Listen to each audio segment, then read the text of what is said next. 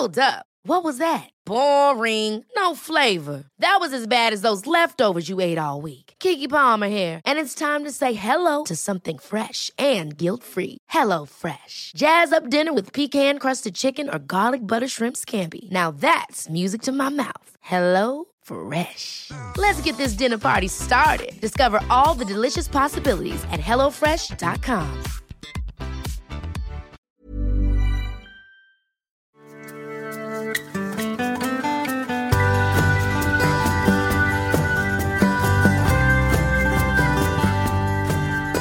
Jag gör inget mindre av att det var så förra gången. Det betyder ju inte att det inte har hänt. Nej. Nej, fan. alltså. Det här med minnet och sånt alltså. Det är väldigt intressant faktiskt. Eh, Ja, nu var det jag. Vad är det här? Ja, fan vad gött. Ja.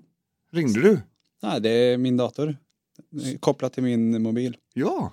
Och så fick du samtal mitt under sändningen. Ja. Fan, det är lite häftigt. Ja. Men det, det, just det här med minnet är så jävla intressant. Alltså jag såg eh, en föreläsning med en amerikansk minnesforskare. Som eh, eh, var väldigt, väldigt bra sån TEDx-föreläsning. Och Hon berättade att eh, hon var the shit i USA ett tag. Okej. Hon skulle vara med liksom eh, allt ifrån eh, rättegångar till utredningar till tv-program och hit och dit. Mm, mm. Men när folk verkligen börjar lyssna på vad hon säger och förstår att, vänta nu, hon förklarar att minnet inte går att använda som bevismaterial Mm, mm, för att det är så lättpåverkat mm. och att de kan bevisa att det är så. Ja, just det. Så bort det tvärtom. Så hela typ forskarvärlden eh, vände henne ryggen. Hela eh, psykoterapi-communityt bara fuck you.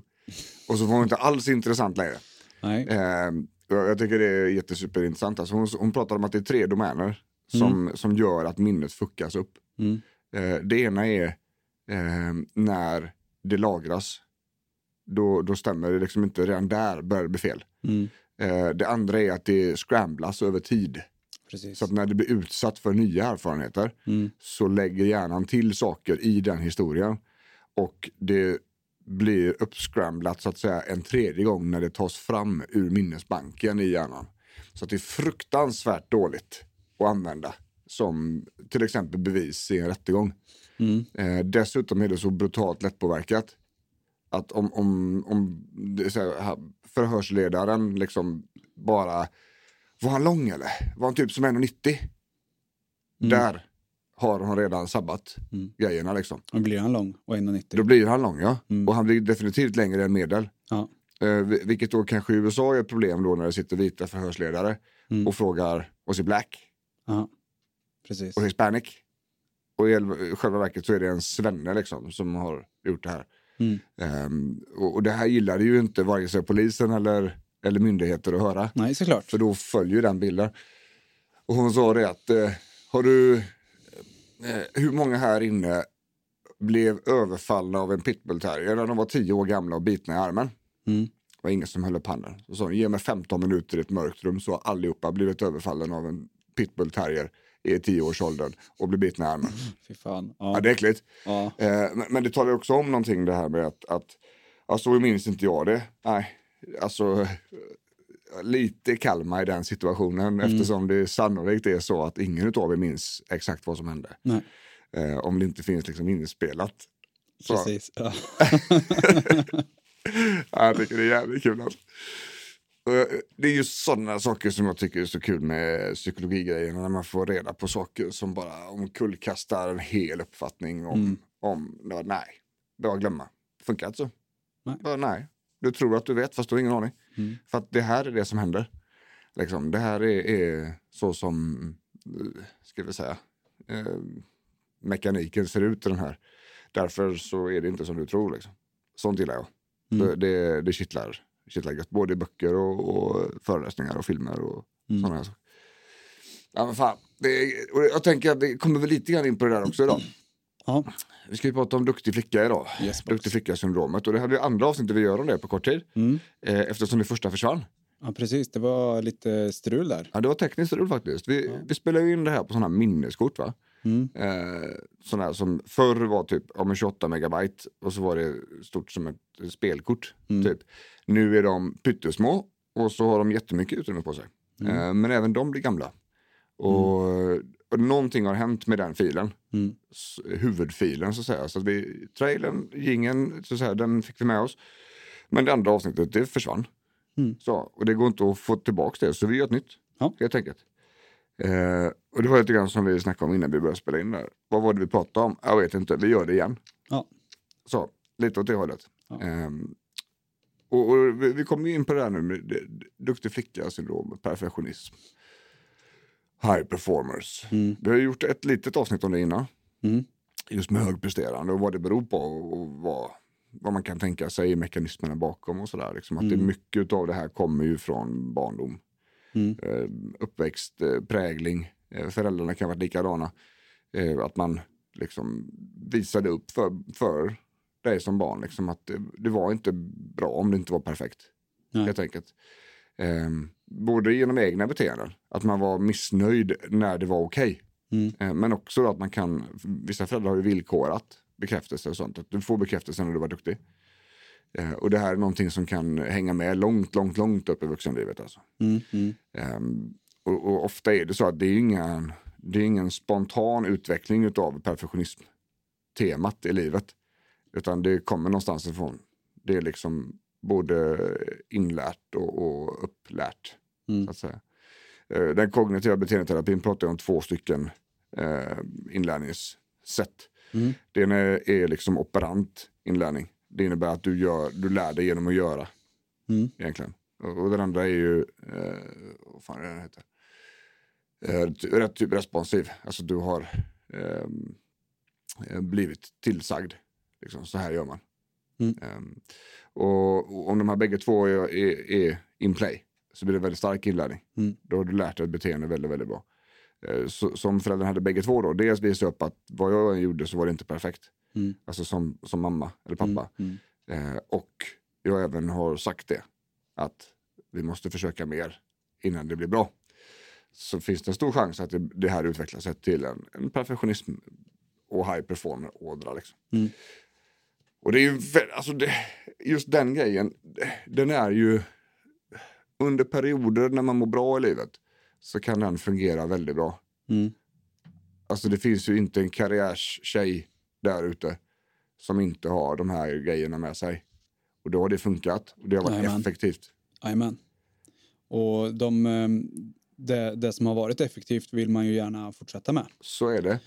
Och då blir det ju som att man har det verktyget i eh, alla situationer. Ja, precis. Och därför är det också väldigt svårt att vända den dagen det blir som ett gift istället. Mm. Det är ju, alltså, de här gamla strategierna som en gång har funkat är också det som gör illa idag. Liksom. Mm. Det här med att det aldrig är bra nog, man, man får inte liksom vila innan man har gjort massa saker. Mm. Det, det är väldigt, väldigt mycket smågrejer som, som- faller under det här paraplyt. Mm. Mm. Och det är i grund och botten en ganska ohälsosam eh, ska säga, grundinställning på, på maskinen. Mm. Sådär, den, den går sönder helt enkelt. Eh, förr eller senare Mm. så går den sönder. Och, och mer eller mindre. Liksom. Vissa mår jättedåligt efter ett tag och, Mm. och andra blir liksom precis tvärtom. Eh, alltså inte, inte tvärtom till dåligt men, men de blir mer passiva. Liksom. Mm. Sådär. Ehm, det, det är lite knepigt sådär. Och just det här Mm. med duktig flicka-syndromet det är ju, det är ju egentligen samma, samma uttryck kan man ju säga. Som perfektionism och sånt. Men, men någonstans tänker jag också att man ska särskilja perfektionismen från duktig flicka-syndromet så är det ju mer jag måste vara duktig inför andra.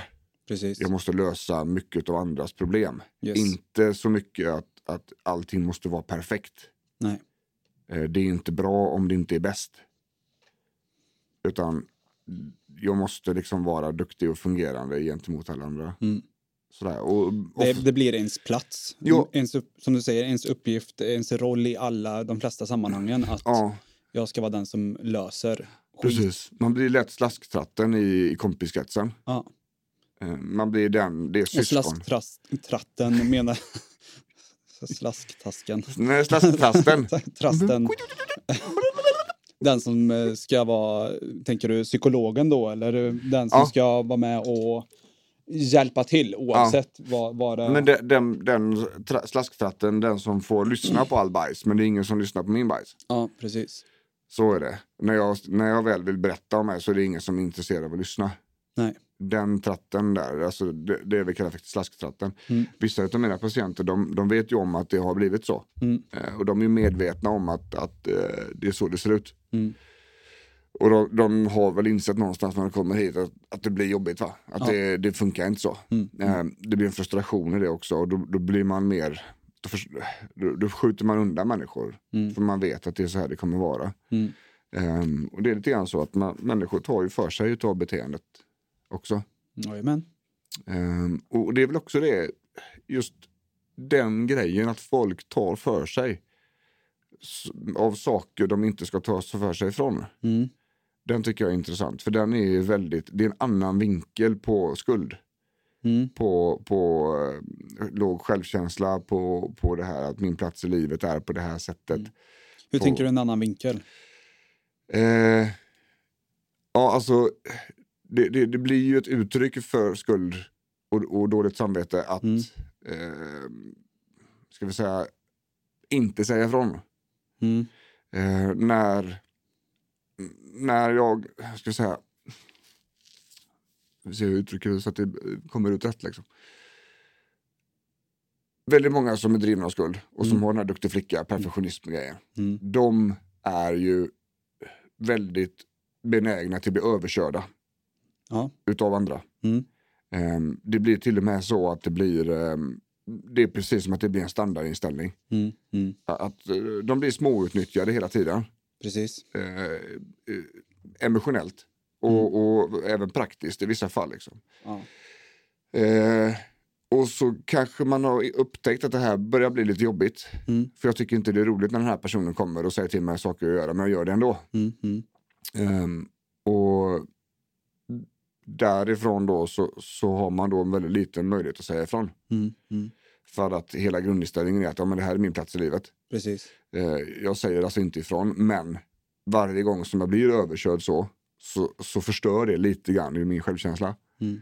Ehm, jag, tappar lite, jag, jag tappar lite tro på mig själv hela tiden. För varje gång det här händer. Mm. Ehm, och, och till slut så kommer det också bli den här självuppfyllande profetian att, att det är så här det ska vara. Mm. Tror man. Precis. Fast det är det ju inte. Mm. För gränsen finns inte kvar. Exakt. längre. Man Den har- är utsuddad och dif- väldigt diffus Ja. på vad som är rimligt. Och ibland också då för att vissa människor medvetet har testat gränsen. Mm. Och det gör ju att det blir väldigt, en väldigt jobbig situation. Mm. Och de här människorna som använder, eh, som är snabba på att fiska upp den här typen av liksom, beteende hos andra. Mm. De, de, de är duktiga på att leta efter det också. Mm. De ser liksom, och kan jag göra så här så får jag gjort detta. Mm. Och, och det där är ingen bra situation. Det där är Nej. en väldigt dålig situation. Mm. Ehm, dels så kan den ju i förlängningen och, och i en extrem utsträckning bli farlig. Mm. Ehm, och framförallt är den ju destruktiv. Mm. Den är ju väldigt elak mot själen. Mm. Att, att alltid känna att någon är på fel sida gränsen. Fast du kan inte göra så mycket. Det är lite grann som att ha fienden hemma liksom. Mm. Bor i ditt vardagsrum. Fast du vet att det här, det är konstigt liksom. Mm. Det, det ska inte vara så. Eh, och det är också därför vi tjatar så mycket om att man måste dra gränser. Precis. Och man måste stå fast vid de här gränserna. Fast det är också väldigt svårt när man har liksom en grundinställning att jag borde göra på det här viset och jag är, är på det här sättet som människa. Annars så duger jag inte. Mm. Och det är väl där någonstans den duktiga flicka-problematiken kommer in på Mm. riktigt. Och många, många ser ju kanske inte det här som är en problematik i, i början.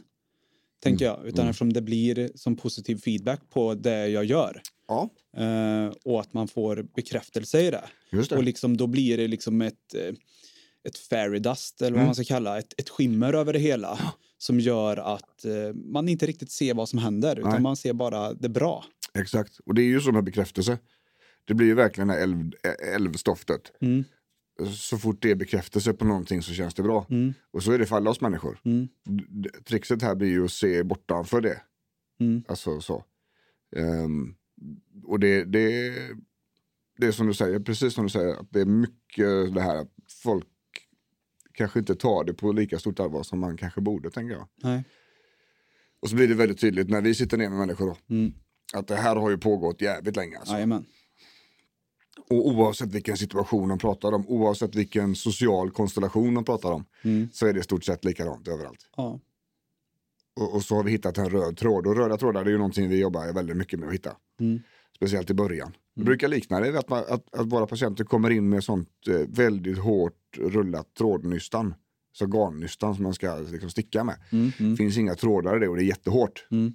Vårt första jobb är ju att börja få upp första änden. Ja, precis. Nästa, nästa del i jobbet är att få upp andra änden. Mm. Och ibland går det fort, ibland tar det längre tid. Mm. Eh, Men, men eh, det här är en väldigt tydlig röd tråd. Och, och det är lite grann så vi, när vi lyssnar på vad folk säger till oss. Mm. Hör vi de här tendenserna snabbt så börjar vi fråga just i de här domänerna och lasttesta där. Mm. Och, och ser, ah, okej, vad jag än har frågat här nu så har jag fått ett positivt svar. Ehm, och, och då vet jag vilken väg vi är på väg. Liksom. Eh, och då kan vi också kabla upp den här typen av grundinställningskänsla har du i livet. Det här mindsetet brukar det finnas i de här typerna av individer. Mm. Eh, och det kommer någonstans ifrån. Mm. Så här finns det en mamma, en pappa eller syskon eller något liknande som har fungerat på ett visst sätt under uppväxten. Mm. Och därmed kan vi också kabla ut hela bilden. Mm. Och sen är det ju, ska vi säga, variationer inom den bilden kan man säga. Absolut. För de allra flesta då. Att Mm. vissa är väldigt stressade, andra skäms. Eh, någon har utvecklat en ilska Mm. på vägen. Eh, någon liksom har allting. Eh, och dessutom trauman i ryggen då. Mm. Kanske PTSD eller eh, övergrepp eller saker som inte är processade. Mm. Sådär. Så det, det är väldigt, eh, det blir väldigt snabbt väldigt djupa saker. Mm. Om man känner att de här, med just med gränsdragningen inte funkar. Mm. Det är därför som, som vi, det är bland det första vi bygger fram. Liksom. Precis. Hur sätter vi gränser? Mm. Och det är ju svårt. Det är det. Och då behöver vi liksom, det är ju, de här gränserna är ju från individ till individ vad man vill, vad man vill ha det. Exakt. Så, Eh, så en del är ju att börja fundera kring det och beskriva för sig själv. reflektera. Precis. Mm. Du, tänkte, du tänkte säga någonting där? Ja, men jag, bara- just det här med precis vad har jag för behov? ja, Behoven är ju någonting som jag tycker är fruktansvärt viktigt. Ja. Och det är någonting, alltså som terapeut så utvecklar man sig hela tiden beroende på vad man själv upplever i livet och vad man läser och vad man hör och vilka patienter man har och sådär va. Och vem man är som person. Mm. Ehm, så, så du har ju dina grejer som, som har vuxit hos dig det sista Mm. säg, året. Mm. Ehm, med vad du har sett hos dina patienter är viktiga. Mm. eh, för de allra flesta. Och så man börjat reflektera över själv och så har man insett att fan men det är så här hemma hos mig också. Så. Mm. Mm. Eh, och just när det gäller behoven så är det en sån grej för mig då. Mm. Alltså att inte veta om sina behov och inte kunna stå för dem är liksom fullständigt destruktivt Ja. och destruerande för personen. Mm. För människans liksom egen karaktär. Och, och steg ett där måste ju någonstans vara att ta reda på vad är det du vill? precis. Vad är det du har för behov? Mm. Inte vad alla andra har för behov eller vad du tror att du ska ha för behov eller vad, Mm. vad samhället säger att du ska ha för behov. Utan vad har du själv för behov? Mm. Och har man nog inte funderat på det så är det nog första steget, va? Mm. tänker jag. Mm. Eh, och då brukar vi köra självreflektionsövningar på det där. Liksom. Precis. Och mång, jag kan tänka, eller det jag stöter på eh, när, när, när vi börjar prata om de här grejerna med, vår, med de klienterna som jag har Mm. är ju att men jag mår ju bra av det vi gör här. Så det är ju ett behov att se till att andra mår bra. Absolut. Det är ju en Ja. vanlig kommentar. Liksom. Ja, definitivt är det så. Ja. Och, och det gör väl ingenting? Nej, absolut inte. Men det, det ju, finns ju fler steg i det hela. Ja. Och det kanske inte är nummer ett att se till att alla har det bra. Nej. Men det är med på listan definitivt. Och då tänker jag lite grann sådär att, att i och med det här, man, man känner att det, att det känns väldigt bra i magen Mm. att hjälpa folk. Eh, vilket det gör för mig och dig också. Mm. Eh, då hittar vi någonting som heter meningsfullhet. Mm. Och meningsfullhet är någonting helt annat egentligen än att uppfylla alla andra människors behov. Mm. Att man hittar meningsfullhet i, sig, i, det man själv gör. Det är absolut helt okej. Sådär. Mm. Eh, men då måste man ju orka det. Precis. Och, och om man inte drar gränserna utan mår dåligt för att, att andra kör över dina gränser hela tiden då kommer du inte kunna använda den här meningsfullheten Mm. Då kommer du inte kunna få nytta av den. Eller liksom smaka på den. Mm. Så det, det är precis som du säger, jag hör det mycket också. Ja, men, eh, jag, jag tycker ju om att hjälpa människor. Jag mår ju bra när andra mår bra. Absolut. Det är jättefint och vissa av oss människor är sådana. Mm. Fortsätt vara det. Mm. Definitivt så. Men, men det betyder ju inte att du ska offra dig själv Nej, hela tiden. det är inte till vilket pris som helst. Som Nej. det. Så är det ju. Det, om, inte, om inte jag har energin först så kan jag inte ge bort den till alla andra. Liksom. Så är det ju. Och, och i perioder så kanske det måste vara så. Speciellt då när det gäller barn. Mm. Att då, de kommer ju att behöva energi utav dig Mm. som förälder. Eh, Yes. När du inte har energi. Mm. Så det, det är inte alls säkert att era energi synkar. Där får man ju steppa upp då. Mm. Och just där, i det läget, så kanske man får göra mer än man orkar egentligen. Mm. Men, men alla andra gånger så måste det vara du själv som sitter först. Liksom. Mm. Det, det, det är så. Det, det är också väldigt intressant just det med, med duktig flicka, att, att uppfylla andras behov. Liksom. Att man, man, man, det blir lite, ska vi säga, det blir en skev bild där någonstans. Att man ena sidan vill hjälpa folk och må bra utav det. Men samtidigt så när man går över tröskeln och bara gör allting för alla andra och uppfyller alla andras behov men du tar inte hand om dina egna. Precis. Man, man ser liksom inte den, den långsiktiga konsekvensen av det hela utan det blir det är gött nu, där Ja. och då. Men sen så förstår man liksom inte varför att man är liksom helt utpumpad eller Ja. eh, mår skräp själv. Och det behöver inte vara speciellt lång tid, vi pratar om långsiktiga konsekvenserna utan det kan bli samma eftermiddag. Mm. Att just på förmiddagen så kändes det bra att få göra de här grejerna för han på jobbet. Mm. Eller för någon hemma eller någon kompis. Mm. Men man är helt sallad i huvudet efteråt Mm. på kvällen. Då blir ju konsekvenserna väldigt snabba. Liksom. Mm. Mm. Och eftersom, just när vi pratar om konsekvenser, så just den här livstemat med liksom perfektionism och, och duktig flicka, om man känner igen hela de här grejerna. Eh, de, de som är tvärtom, som är väldigt harmoniska Mm. och, och liksom inte alls har det här behovet av att vara perfekta och så vidare. Det är ju inte de som blir utbrända. Nej, det är det inte. Så kan man säga. Ehm, det, det, det är ju så att det är den här typen av grundinställning i livet som bränner ut. Ehm, I alla fall absolut största merparten. Sen kan det vara olika scenarier hos andra. Mm. Där det liksom är sjukdomar, där det är liksom trauman i livet, skilsmässa, bortgångar och så vidare. Mm. Det blir en sån press. Mm. Eh, inte att människan själv tycker att, att allting måste vara perfekt, utan det är externa faktorer som gör att man blir väldigt trött i huvudet. Mm. Mm. Det är en helt annan grej. Mm. Och där finns det ofta väldigt tydliga, alltså tydliga orsaker till att det händer som det gör. Mm. Medan absolut största merparten av alla som är utmattade, som får utmattningssyndrom, det är uppjobbat. Ja. Det är det. Man, eh, det är inte så att man har, eh, jag skulle vilja nästan säga drabbats av eh, Ja, det, det vi pratade om innan där var Ja. att man liksom sak, externa som, ja det Ja. sa du kanske. externa faktorer. Ja precis, man drabbas av det. Ja. Det är också väldigt viktigt tänker jag när vi pratar om det här, för det kan ju låta som att vi säger att om men det här är ditt eget fel. Att du är Ja. utbränd. Ja. Fast det är det inte. Nej. För att det här är reflexmässiga beteenden som Mm. du inte kan styra. Ja. ehm, som kommer att leda dig åt detta hållet. Mm. För det, det är ju ingen som bara, det är ingen som ser det här och bara, men Nej. jag väljer att gå den här vägen nu, utan det är ju massa mekanismer bakom som Ja. gör att det bara blir eh, impulser som Ja. gör att det är en dominoeffekt av det hela. Exakt. Och så går allting så fort så man har en nästan obefintlig chans att stoppa det. Precis. Ehm, och det är ju ingen som ser väggen på vägen dit, men Nej. i retroperspektivet, i backspegeln, så kan alla som vi träffar i alla fall se när det började spåra. Mm.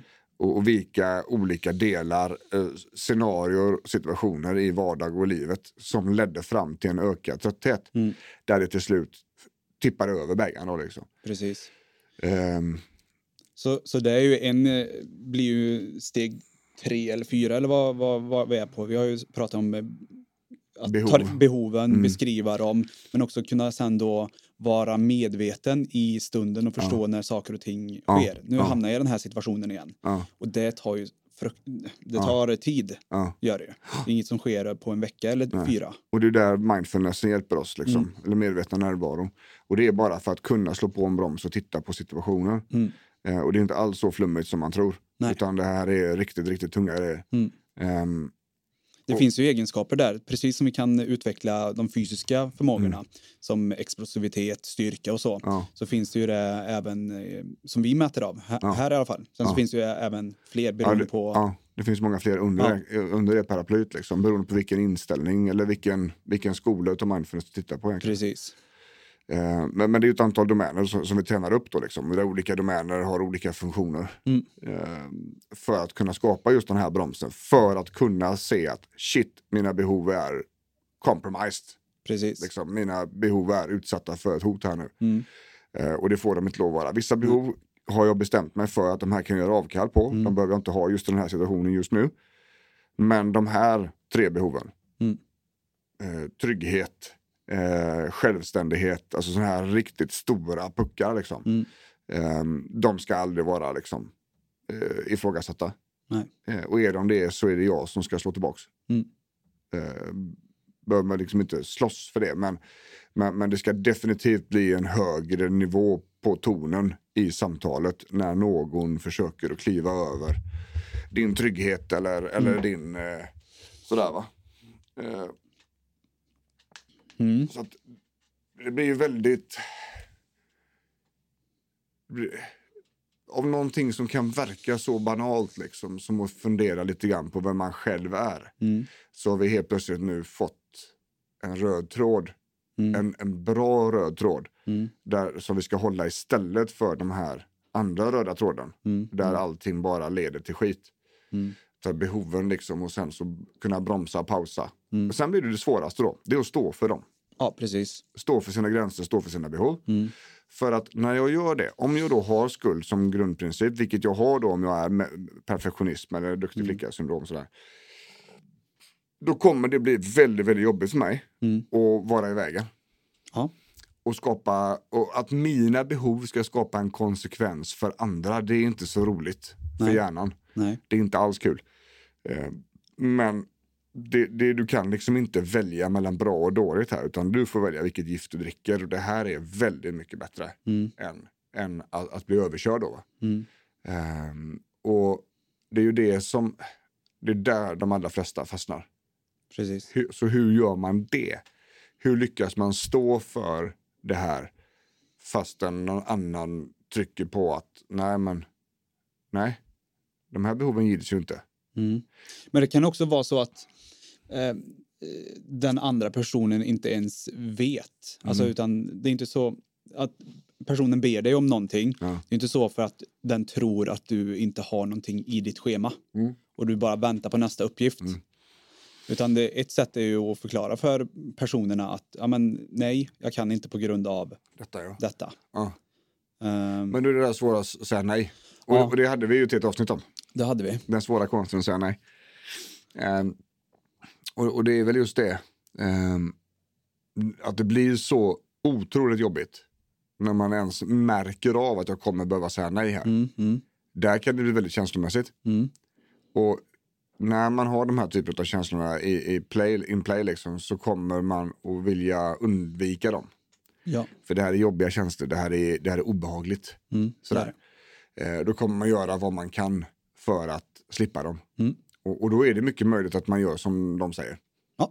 Bara för att slippa skiten, Absolut. helt enkelt. Eh, och det är där vi måste bromsa. Ja. Och det, är så här, det kommer vara jättesvårt i början. Mm. Men ju fler gånger du har gjort detta, ju lättare kommer det bli. Precis. Så är det. det vi lär hjärnan liksom, att det här är en annan väg att gå. Mm. Ehm, Och det kan vara bra även att liksom kolla tillbaka på de här eh, olika situationerna som man har varit med om och Ja. försöka se på det mer utifrån. ja, med andra glasögon helt Ja. enkelt. vad var det som hände? Liksom? Precis. Mm. För att eh, få en bättre förståelse för att ja, men det, nästa gång kanske inte blir så jobbigt för det, de här konsekvenserna är bara i mitt huvud Ja, av att säga nej. ja. Det blir inte den katastrofdelen. Absolut så. Absolut så. Och just att titta på det efteråt är ju väldigt effektivt. Mm.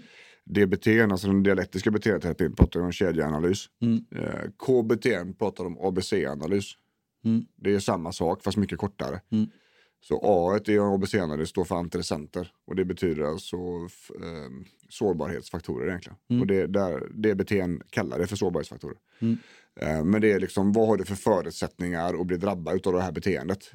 Mm. Alltså är du hungrig, är du trött, har du mens, är det stress, är, det, är det bråk hemma? Liksom? Vad är det? Saker som gör dig mer taggig i humöret kan man säga. Mm. Eh, olika situationer och sånt där gör dig också mer benägen att slå på beteendet eller de här Precis. reflexgrejer- reflexgrejerna. Då. Mm. Sen är ju B i ABC, det är ju behavior då, beteendet. Och det är vad, vad gör du? Vad, Mm. vad är det som har hänt? Mm. Eh, och beteendet i den här situationen då, det är att du säger ja fast du skulle säga nej. Mm. Så kan man säga.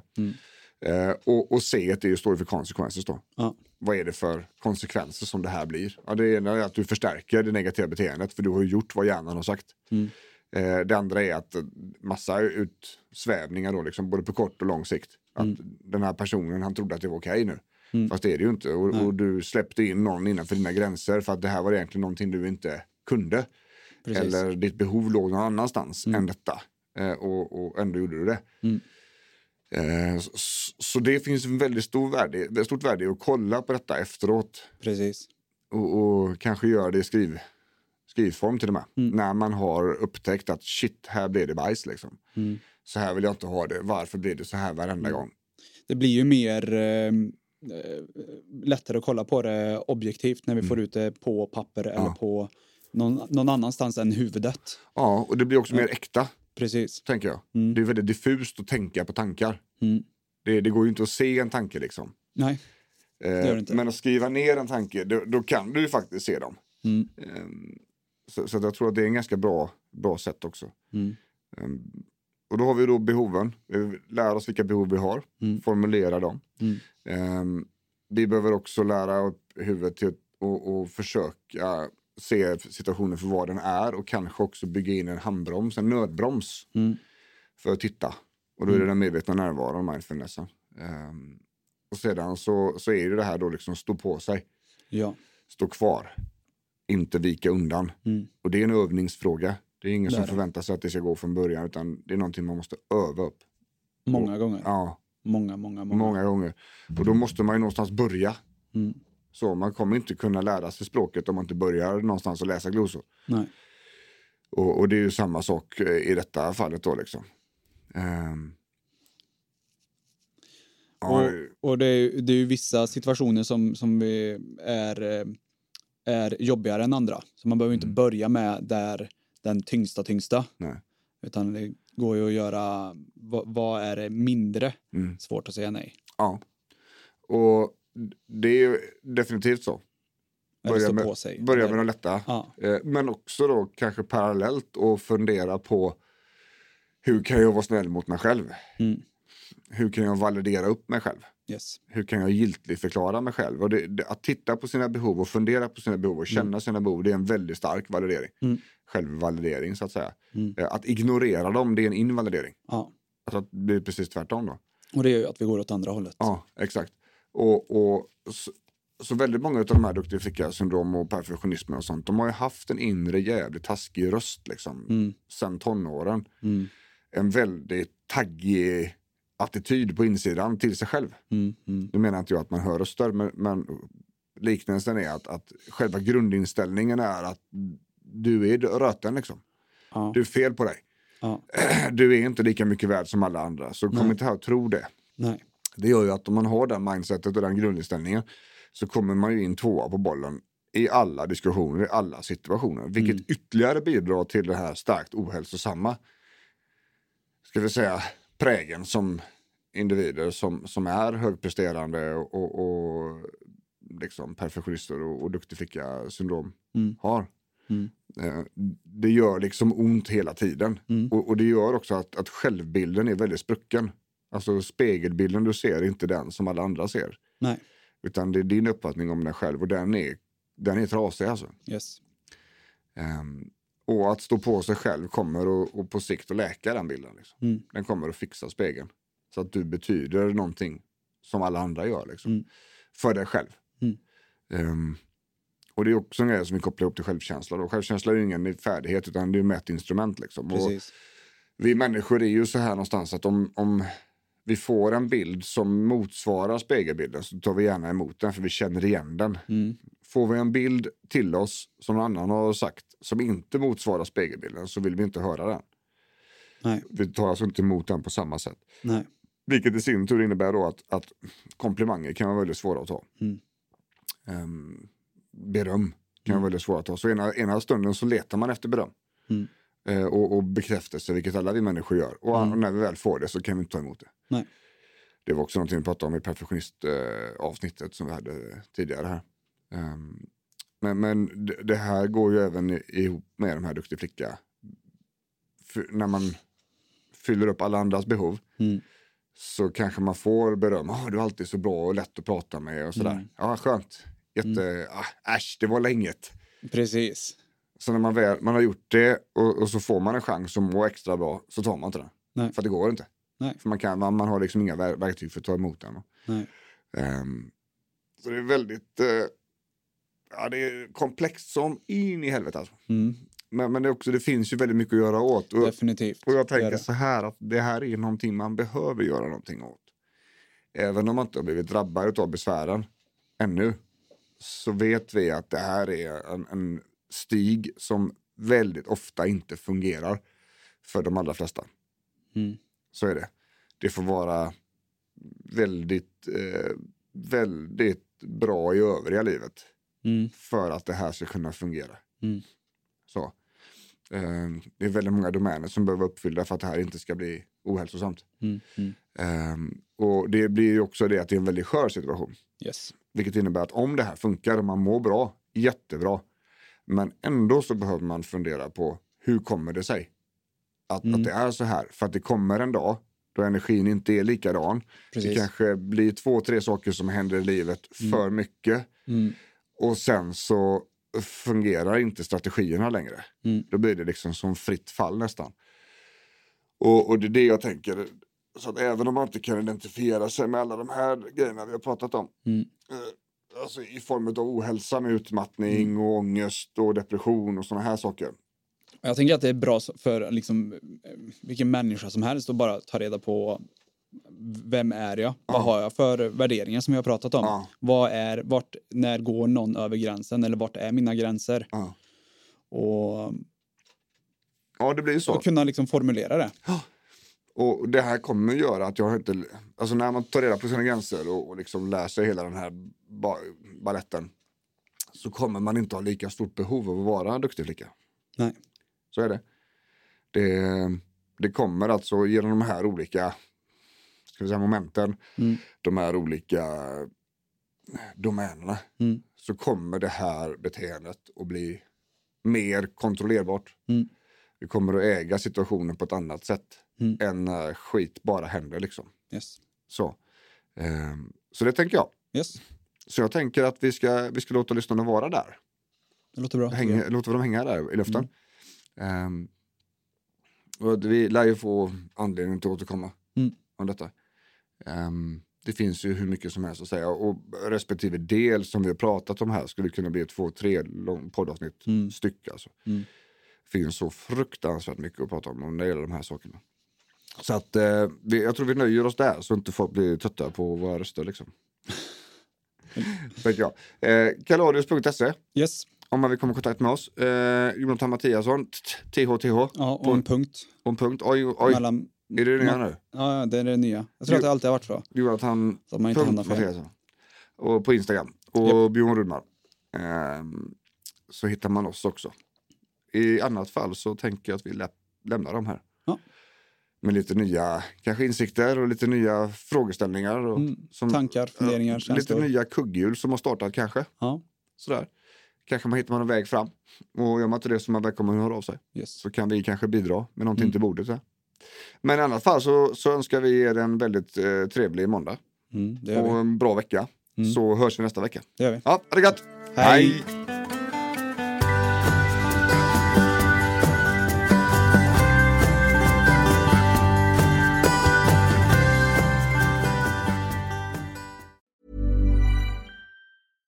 catch yourself eating the same flavorless dinner three days in a row? Dreaming of something better? Well, HelloFresh is your guilt free dream come true, baby. It's me, Gigi Palmer. Let's wake up those taste buds with hot, juicy pecan crusted chicken or garlic butter shrimp scampi. Mm. Hello Fresh. Stop dreaming of all the delicious possibilities and dig in at HelloFresh.com. Let's get this dinner party started.